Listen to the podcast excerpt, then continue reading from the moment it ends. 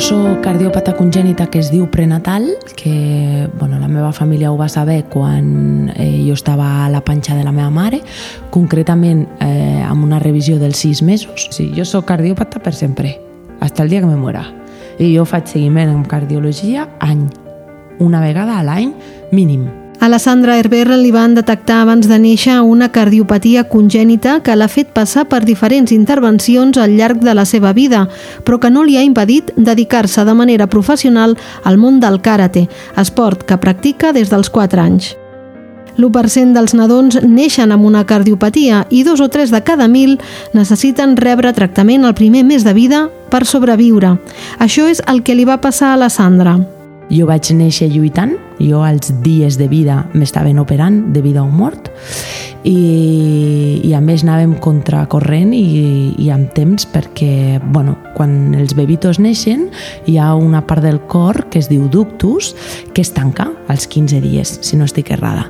I jo tenia una, una vàlvula que estava tancada i si el ductus es tancava i la vàlvula estava tancada, pues moria, no hi havia circulació cardíaca. Aleshores, eh, pues això, anàvem contracorrent perquè anàvem amb, amb, amb temps, no? I la primera prova que em va fer la persona a la que li dec la meva vida literalment, el doctor Mortera, Carlos Mortera, eh, no va sortir bé i només tenia un segon intent. Jo no li dic sort, no li dic fortuna, jo crec que havia de ser així perquè bueno, jo havia de, de viure moltes coses i de, i de lluitar molt i pues, la segona operació va sortir molt bé.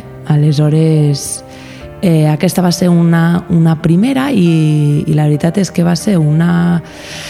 Bueno, va ser un primer confrontament que tenen els meus pares que va ser molt dur, eh, però que no va acabar aquí, perquè jo crec que jo vaig néixer i jo vaig fer allà un pacte amb qui fos i vaig dir, però espera't que sóc molt canyera i aquí jo trepitjo fort, no?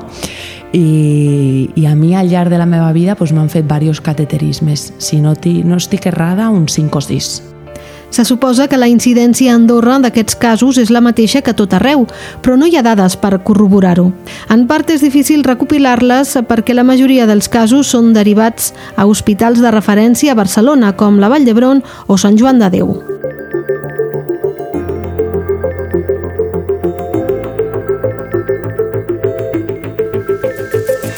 Hola, sóc Esther Pons i això és l'Altaveu a fons. Aquesta setmana parlem de les cardiopaties congènites.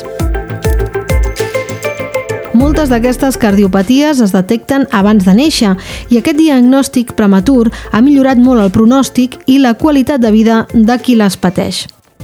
Però què és una cardiopatia congènita? N'hem parlat amb la pediatra Mariona Ferrer.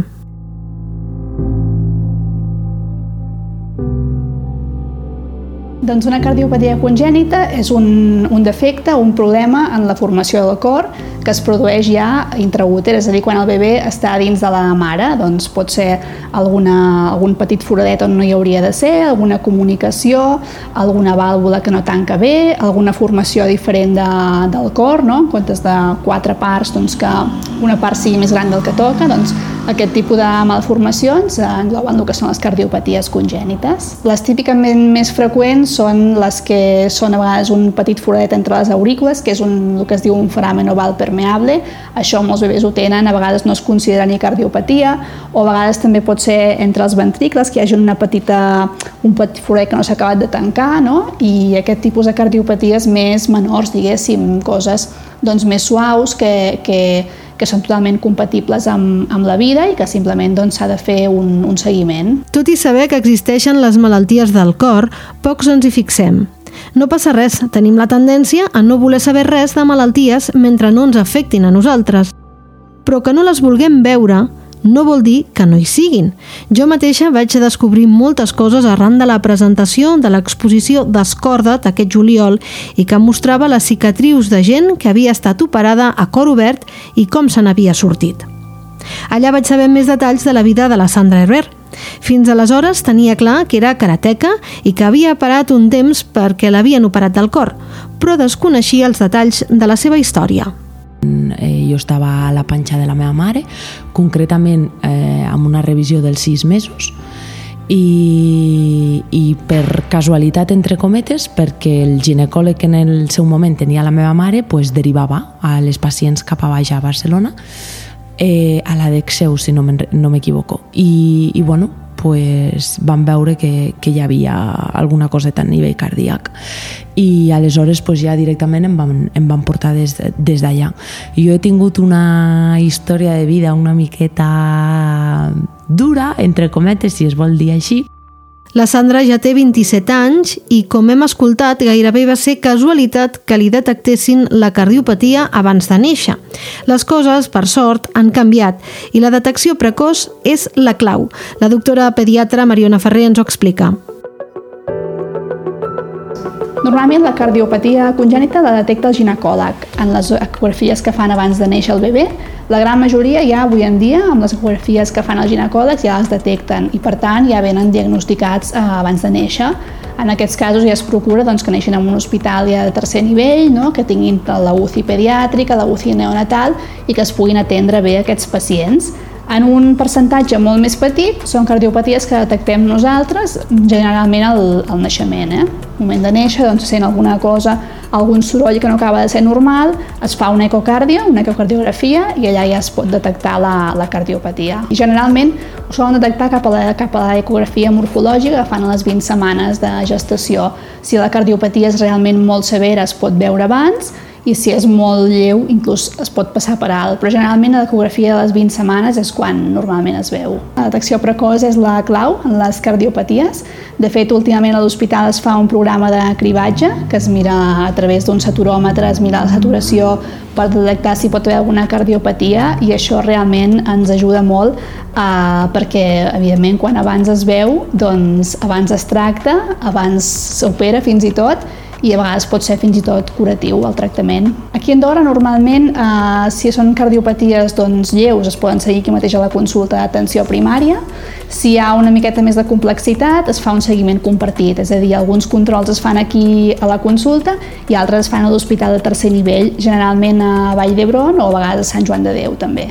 Tornem a la vida de la Sandra, perquè ja hem escoltat que va ser operada just després de néixer i ha estat sotmesa a sis cateterismes per bombejar la vàlvula que no li funcionava bé i fer que s'obrís. Tot això sense deixar de fer esport d'alt nivell, gràcies, assegura, la seva gran consciència corporal.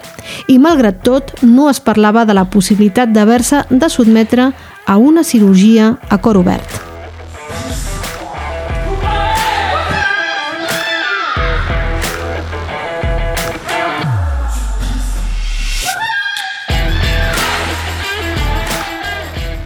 Bueno, en el seu dia jo t'estic parlant, Esther, que són 27 anys enrere i quan nosaltres parlàvem del tema de cirurgia a cor obert no es parlava.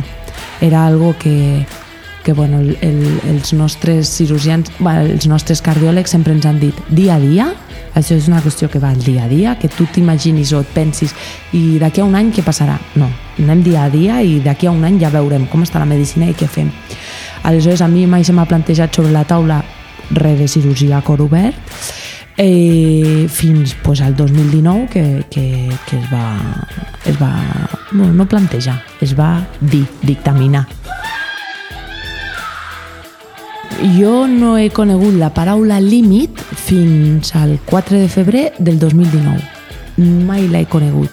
Sempre és veritat des de, des de petita que sí que em deien que havia de tindre molta consciència corporal i saber jo pues, no arribar mai a estar molt, molt fatigada. Però jo aquest parem, a, a nivell de tatami, mai l'he aplicat perquè a mi és, és el meu lloc, o sigui, a mi em diuen què saps fer i jo l'únic que dic és sé fer karate.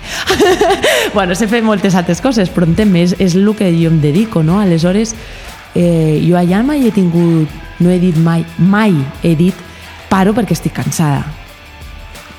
No, mai, no, no m'he trobat. Aleshores, clar, el, el bofetón del 4 de febrer del 2019 és molt fort, perquè sí que és veritat que jo notava cosetes a nivell de resistència, però tu mai t'imagines que la resposta a les proves, la conclusió a les proves, serà no, has de passar quiròfan per una cirurgia a cor obert amb unes probabilitats de sobreviure X i clar, jo és que tu dius, però esto de dónde me viene?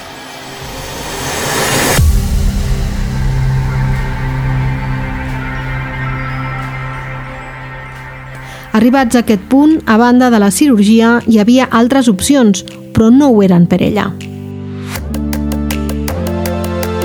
Se'm planteja una que és, eh, pues diguéssim, una opció que no em deixava continuar la meva eh, vida esportiva, era, era impossible perquè jo faig un esport de contacte i aquella opció portava una medicació i aquella medicació era contrària a un esport de contacte, o sigui, aquesta via era impossible, perquè l'altra alternativa era pulsímetre i estil de vida teu para del 100 al 0. Pulsímetre per tot, per tot.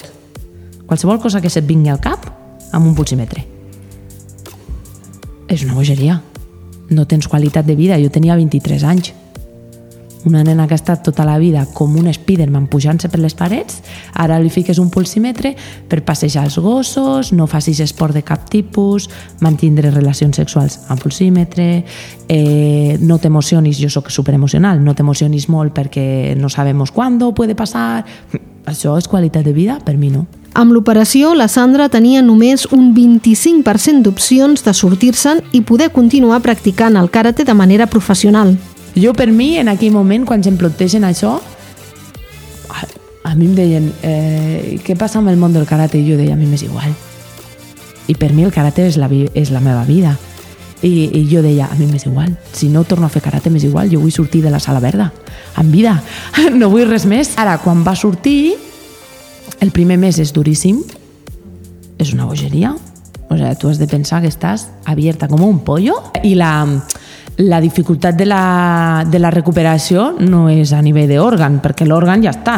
És a nivell d'estructura òssea, de que t'ha de tornar a, a, quadrar tot, que l'esternón s'ha de cicatritzar bé, ojo el que fas perquè si no cicatritza bé, aquí tenim un problema greu, la cicatriu tal... Bueno, pues e, eres un, una cajita i te mous com una caixa, absolutament. Llavors, a partir d'aquí era primer, el primer mes i a partir d'aquí moltes proves, me fan moltes proves. I però totes surten bé. Després d'això va arribar la Covid i a ella li va anar bé per disposar de més temps per recuperar-se i tornar als tatamis. Ara continua competint i assegura que amb més energia que mai. Ja et dic, jo, jo mai sabia pues, això, no, no límit, no, jo donava el meu 100% o més, perquè jo sóc molt canyera i sempre m'extralimito, eh, però jo no sabia que podia assolir els nivells en els que estic ara. A més, a nivell també, per exemple, amb el preparador físic, eh, abans teníem X limitacions perquè no sabíem a on ens movíem, ara no hi ha limitacions de res. Ara em diu, tira. Dic, pues vámonos.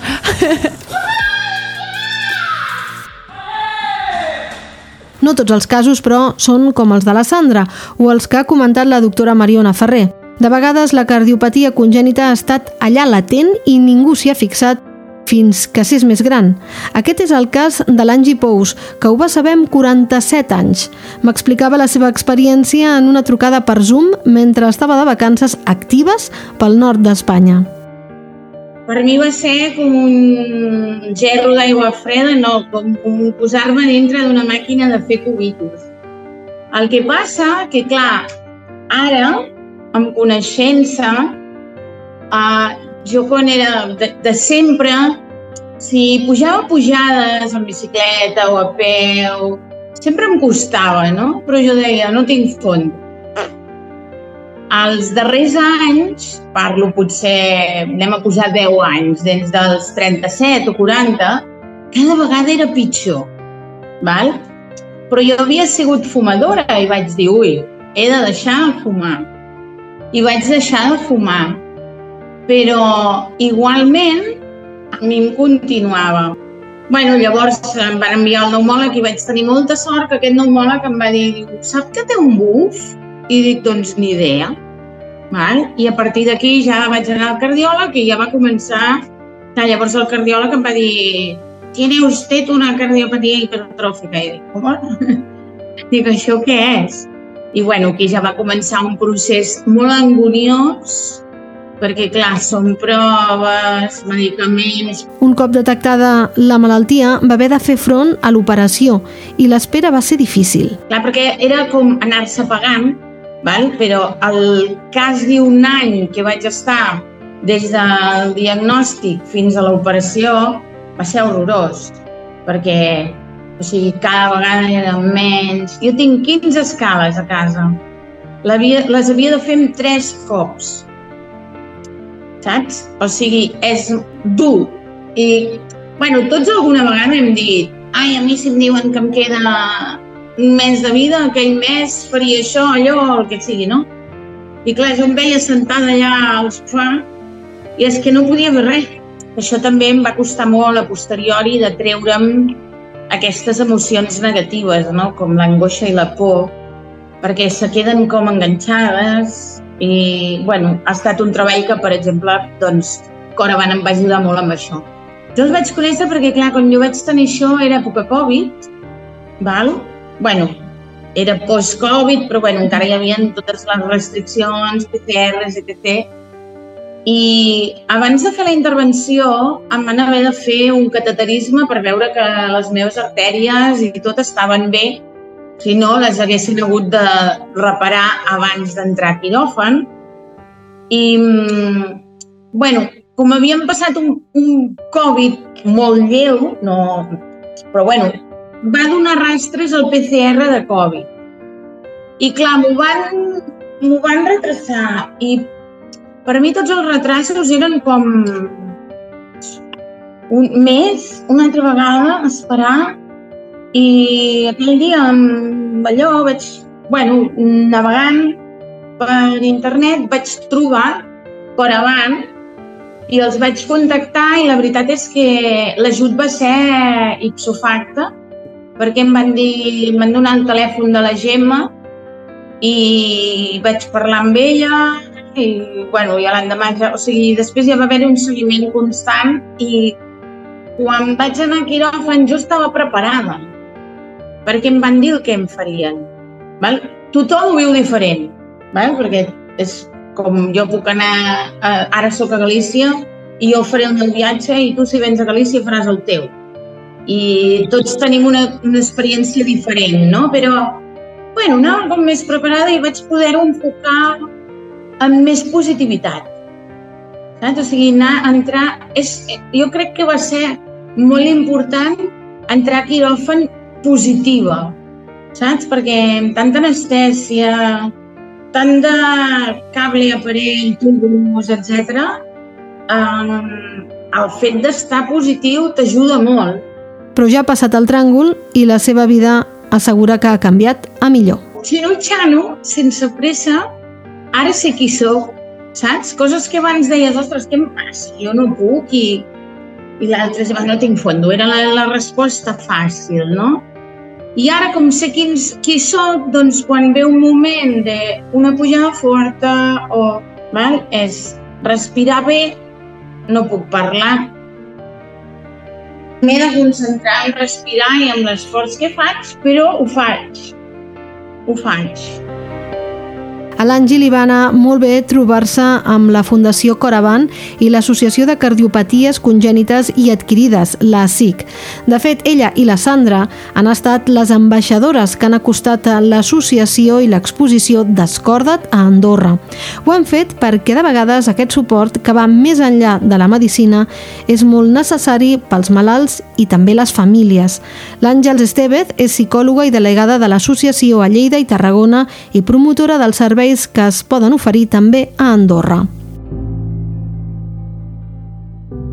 La CIC eh, Que ara Coravan, eh, va néixer de mans de pares i mares eh, ja fa 30 anys, farà la CIC, que doncs, bueno, compartien estones a les UCIs i allà veien que compartint les seves experiències i parlant doncs, eh, portaven una mica millor el fet de que els seus fills o filles tinguessin cardiopatia congènita no? i sobretot aquelles llargues estades a l'hospital.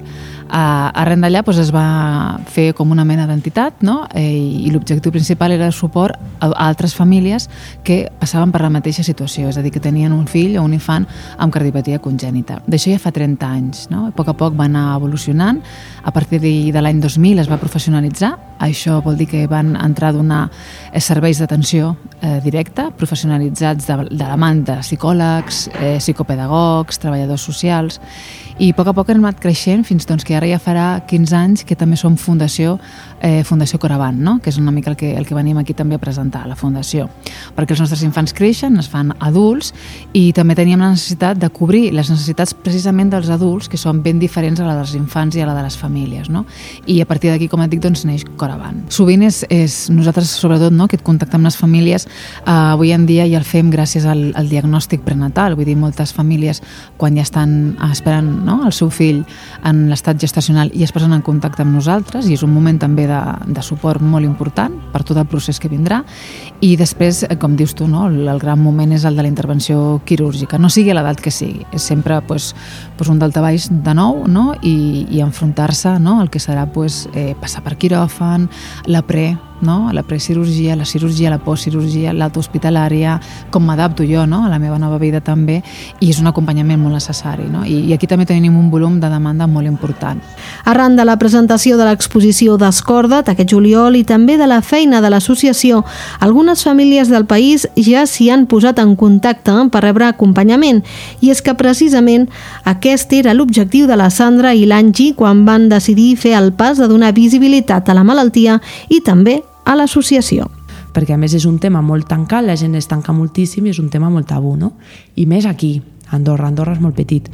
Aleshores costa moltíssim. I bueno, doncs és això, és una miqueta obrir sense ànim de res, no és ànim de ni de que ara hagi tothom de donar la cara i de dir jo sóc cardiòpata, que no, que, que o sigui, és respectable, si tu vols tindre eh, només per a tu, perfecte, però nosaltres el que donem és opcions i informació de que existeixen fundacions i associacions que estan eh, a la teva mà, o sigui, a la teva disposició per a que si tu necessites ajuda doncs hi ha uns treballadors especialitzats per a donar-te aquesta ajuda i personalitzada, a més, no només doncs, psicòlegs, hi ha, hi ha de tot tipus, no? Aleshores, donar-te aquesta info, que la vols, perfecte, que no la vols, també està perfecte, però almenys donar-la i que la gent ho sàpigui. I, lògicament, aquí són molts, el que passa és que sembla que no, perquè com ens deriven i el seguiment també te'l fan a baix, doncs és com que no, a Andorra no hi ha. Sí, sí que hi ha. Vivim aquí. I som andorrans. I jo sóc andorrana. Així que sí que hi som, sí.